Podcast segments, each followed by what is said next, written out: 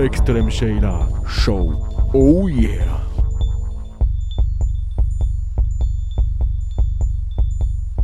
Herkese tekrardan merhaba. Nasılsınız? İyi misiniz? Hayat nasıl gidiyor? Demek istiyorum ama tabii soruma cevap verebilecek kimse yok şu an karşımda. Tabii beni dinlediğinizi de biliyorum. Şu an vantilatörü kapatmak zorunda kaldım çünkü arkadan ses yapıyordu.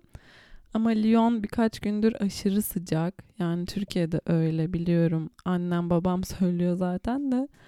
Yazı sevmeme rağmen yaz bitsin sonbahar gelsin istiyorum yani. Bilmiyorum siz de böyle düşünüyor musunuz? Bugün herkese ilgilendiren bir konu hakkında konuşmak istiyorum. Aslında bu fikir aklıma Barbie Movie'yi izledikten sonra geldi. Ben de hemen bir bölüm kaydedeyim dedim. Bugün kadınların üzerinde hissedilen baskılardan konuşmak istiyorum. Hatta şöyle bir örnekle giriş yapmak istiyorum. Barbie Movie'yi izlediniz mi bilmiyorum ama filmin başında Barbie'ler Barbieland'de hayatlarını yaşıyorlar. Ve kadınların sözü erkeklerden çok daha önemli. Yani orada kadınların sözü geçiyor. Önemli mevkilerde hep kadınlar var. Değişik değişik işler yapıyorlar. Ee, erkekleri görmezden gelebiliyorlar. Hani erkeklerin yeri pek yok gibi orada aslında. Ve e, bunun üzerine Barbie'ye bir şey oluyor. Ee, işte her gün uyandığı gibi uyanmıyor. Ayakları düzleşiyor falan. Bunun üzerine gerçek dünyaya gitmeye karar veriyorlar. Ve gerçek dünyaya giriş yaptıklarında Barbie üzerinde bir baskı hissetmeye başlıyor ve kendi tam tersine kendini çok daha iyi hissetmeye başlıyor. Çünkü erkeklerin üstünlüğünü görüyor. İkisi de bizim dünyamıza giriş yaptıklarında patriarkayı keşfediyor. İkisinin bu giriş anı beni çok etkiledi. Çünkü girdikleri an, bizim dünyamıza geldikleri an Barbie insanların bakışlarını görüyor. Ona garip garip baktıklarını görüyor ve e, vücudu hakkında böyle aşırı bilinçli hissediyor kendini. Bu iki karakterin arasındaki zıtlık yani e, birisinin kendini daha kötü hissetmesi, Ken'in de kendini gelir gelmez daha iyi hissetmesi kadın erkek farklılıklarını çok iyi göstermiş bence bize. O yüzden ben de dedim ki neden bu konu hakkında bir bölüm kaydetmeyeyim? Neden kadınların yaşadığı baskılar hakkında konuşmayayım? Konuşup konuşup günah çıkartalım istiyorum. O yüzden de şimdi ilk söylemek istediğim noktaya parmak basıyorum. İlk olarak kadınlar olarak hatta kızlar olarak e, sürekli bir bakımlı, fit ve zayıf olma baskısı altındayız. Ben ergenken hatta ergenlikten önce bile e, kendimi güzel hissetmiyordum. Kendi vücudumdan çok uzun süre nefret ettim. Çünkü standart güzellik algısına uymuyordu. Sürekli bacaklarım incelsin diye uğraşıyordum. Türlü türlü sporlar yapıyordum. Bacağımdaki selülitler gitsin, incelsin diye bir sürü zayıflatıcı krem almıştım. Masaj yapmıştım ve tabii ki de geçmedi. Çünkü bu tarz şeyler masajla geçmez. Ayrıca selülit çok doğal bir şey. O yüzden onları geçirmemize bile gerek yok. Bu sadece bize medyanın bir oyunu. Neyse. Demek istediğim sayısız diyet yaptım. Küçük bir yaşta olmama rağmen. Sevmediğim sporlara gittim. O spor bana tatmin duygusu vermese bile, o sporu yaparken zevk almıyor olsam bile vücudum standartlara uysun diye çok fazla saçma sapan şey yaptım. Ve bu yaptıklarımın hepsi medyadaki standart güzellik algısı yüzünden oldu. Sürekli bikinili, mayolu, sıfır beden kızlar görüyorduk. Onlara benzemediğimizde sevilmeye layık olmadığımızı düşünüyorduk. Kendimizi kötü hissediyorduk. Yani sürekli bir diyette olma, spor yapma, güzelleşme çabası vardı. Ki bu çok toksik bir şey bence. Ve bu yaptıklarımın çok da faydalı şeyler olmadığının çok geç farkına vardım. Ee, üniversitedeyken farkına vardım diyebilirim. Ama bu tabii etap etap olan bir şey. Yavaş yavaş bazı şeylerin farkına varıyorsunuz ve e, o konu hakkında düşünüp doğruyu bulmaya çalışıyorsunuz. Peki şimdi bakımlı, fit ve zayıf olduk diyelim. Bitmedi. Daha çok baskı var. Mesela terbiyeli ve ağır başlı olmalıyız. Kadınlar küfretmez, sesini yükseltmez, hanım hanımcık olmak zorundadır ve büyüklerinin yanında bacak bacak üstüne atmaz. Büyüklerin yanında asla sigara içmez. Kadınlar ağır başlı olmak ve erkekleri naz yapmak zorundadır. Çünkü öyle hemen istediklerini elde ederlerse hemen sıkılır giderler.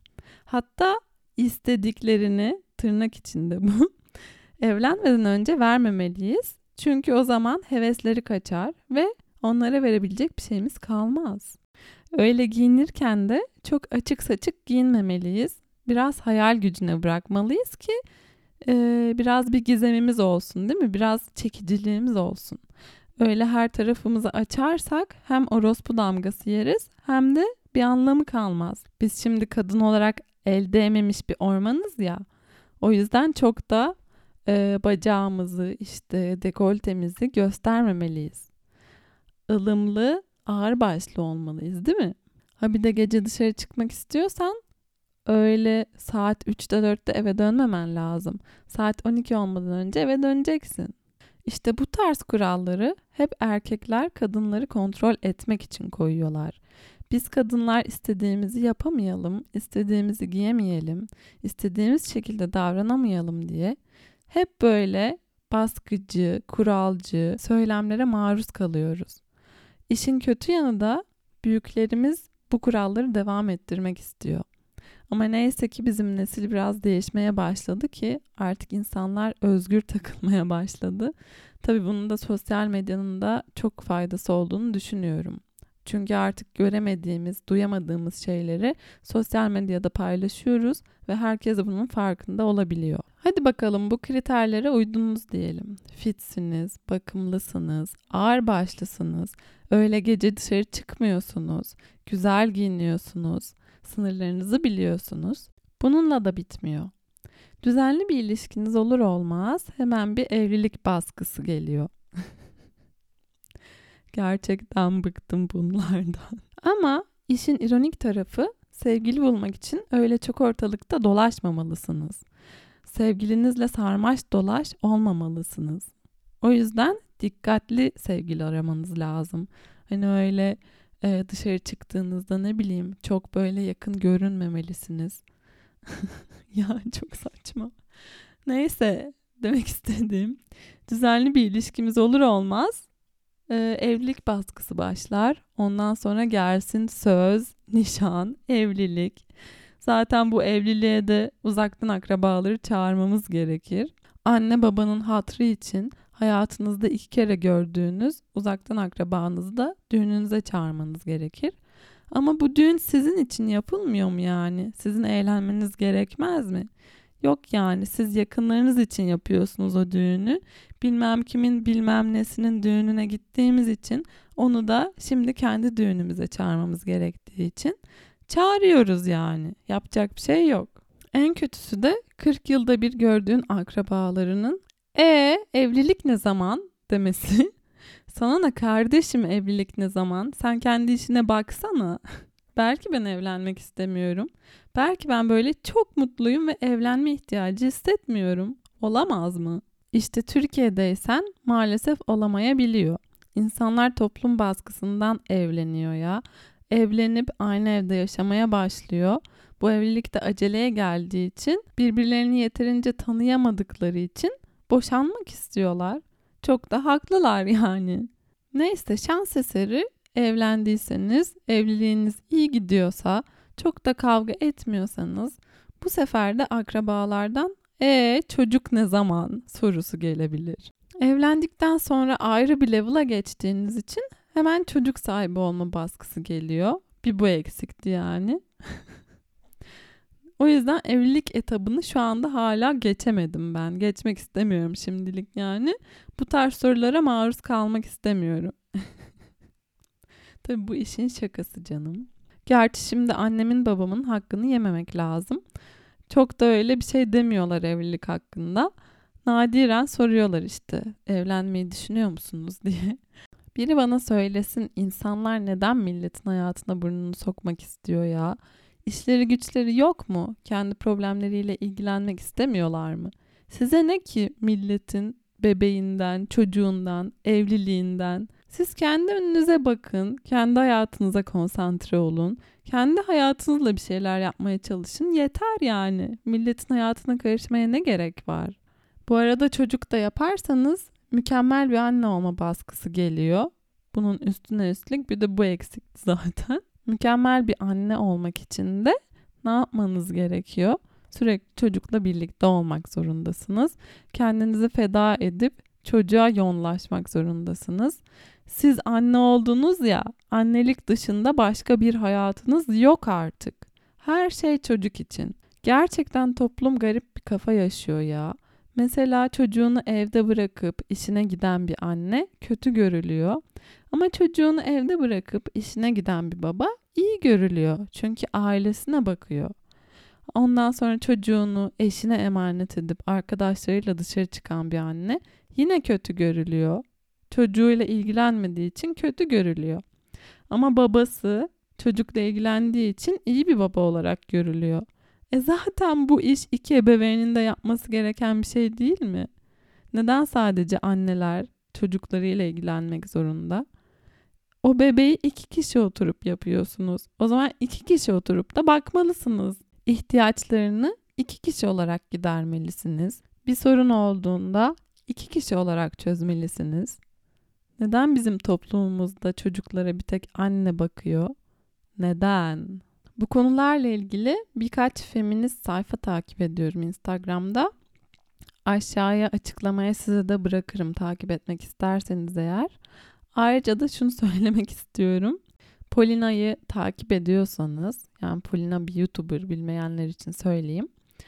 Ee, şu anda yaklaşık bir yaşında bir bebeği var ve eşiyle olan ilişkisini çok seviyorum. Çocukla ilgilenme şekillerini, anne baba rollerini ama aynı zamanda sevgili rollerini e, ikisini de yürütebiliyorlar, sürdürebiliyorlar ve ikisi de aynı şekilde sorumluluk alıyor.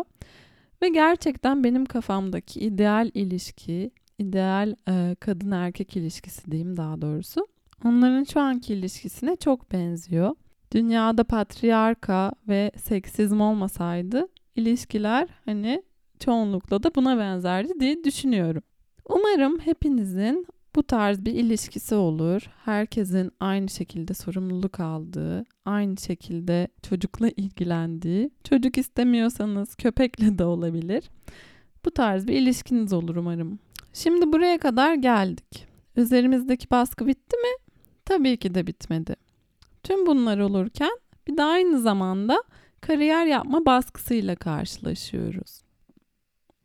İşimizde başarılı olmalıyız. Güzel bir iş bulmalıyız. Bu baskılar da ekleniyor diğerlerinin üzerine. Tabi bulduğunuz iş de geleneksel iş tanımlarına uymak zorunda. Öyle sanatçı veya dans eğitmeni olamazsınız. Doğru düzgün bir iş bulup toplumun kabul gördüğü geleneksel iş tanımlarına uymak zorundasınız. Yani mesela doktor, mühendis, avukat, öğretmen gibi meslekler. Öyle çok da hayal kurmaya gerek yok. Astronot falan olmayın yani. Ya da ne bileyim çıkıp inşaat mühendisi olmayın kadın başınızla. Yapamazsınız. Toplumun nice baskısı yetmiyormuş gibi bir de kadınlar kendilerini imposter gibi hissediyor. Imposter sendromu ne biliyor musunuz bilmiyorum ama kısaca anlatmak gerekirse bir kişinin geldiği noktaya şans eseri geldiğini düşünmesi denebilir. Ee, yani siz başarılı olabilirsiniz. Çok okumuş, master, doktora yapmış olabilirsiniz. Ama geldiğiniz noktada şans eseri bulunduğunuzda düşünebilirsiniz. Ve bu olay kadınlara gerçekten çok fazla oluyor. Kadınlar kendilerini özgüvensiz hissettikleri için, kendilerini bulundukları pozisyona layık görmedikleri için imposter sendromu hissedebiliyorlar. Geldikleri yeri hak etmiyorlar da rastgele pozisyona gelmiş gibi düşünebiliyorlar. Kendilerinden çok şüphe ediyorlar ve daha fazlasını istemeye korkuyorlar. Bu da tabii ki yine patriarkanın bir sonucu. Neden diye soruyor olabilirsiniz şu an. Neden mi? Çünkü bir kadın yönetici dediğim dedik olduğunda patronluk tasladığında yine tırnak işareti içinde diyorum. Kadın kötü görülüyor. Gıcık birisi olarak değerlendiriliyor. Bu da çok fazla şey istiyor, be dedirtebiliyor. Ancak aynı davranışı bir erkek sergilediğinde bu bir problem olmaktan çıkıyor. Herkes tamam deyip dediklerini yapıp yoluna devam ediyor. Neden kadınlar düşman olarak gösteriliyor bu toplumda? Neden? Kadınlar sizi büyüttü, kadınlar size baktı, kadınlar sayesinde bir yere gelebildiniz. Nedir bu kadınlara karşı olan ayrımcılık anlamıyorum gerçekten. Eşit bir toplum istemek, bunu sağlayabilmek çok mu zor? Kariyer işini ve imposter sendromu da geçtim. LinkedIn'de bir yazı görmüştüm ve kadınların daha fazla maaş istemeye cüret edemediklerini de gördüm. Hatta bazı pozisyonlara başvururken erkeklerin istenilen kriterlerden sadece %50'sine sahip olmalarına rağmen bu pozisyona başvurduğunu ancak aynı bir durumda bir kadın eğer kriterlerin %50'sini karşılıyorsa gördüğü iş ilanına başvurmadığını okudum. Her ne kadar kadın erkek eşitliği sağlanmaya çalışılsa da bugün daha kat etmemiz gereken çok yol var. Ve biz bu konular hakkında konuşmazsak, çevremizin bilinç düzeyini yükseltmezsek hiçbir şekilde olmak istediğimiz yere gelemeyeceğiz. Ve bu toplum baskısı her zaman devam edecek. Biz bu toplum baskısına kulak verdikçe üzerimizdeki baskıdan hiçbir zaman kurtulamayacağız. Bütün bunların özünde ne yatıyor biliyor musunuz? Mükemmeliyetçilik ve kendini etiketlemeye çalışmak. Barbie Movie'de de gördüğümüz gibi o değişik Barbie, doktor olan yani, tek başına bir yerde yaşıyordu. Garip garip davranıyordu. Diğer Barbie'lerle uyumlu olmadığı için, diğer Barbie'lerden farklı olduğu için o bile dışlanıyordu. Biz kadınlar olarak birbirimizi dışlamaya başlarsak bu işin içinden çıkamayız. Kadınlar olarak her ne kadar değişik hayatlar yaşıyor olursak olalım, birbirimize destek olmalıyız, birbirimize sahip çıkmalıyız ve yargılamak yerine birbirimize hoşgörüyle yaklaşıp empati kurmalıyız diye düşünüyorum. Çünkü kadınların en büyük düşmanı yine kadınlar maalesef ki. Sürekli mükemmel olmak yerine, mükemmeliyetçilik uğruna diğer kadınları yermek yerine mükemmel olmayı bırakıp daha gerçekçi bir hayat yaşayıp diğer kadınlara da sahip çıkabiliriz.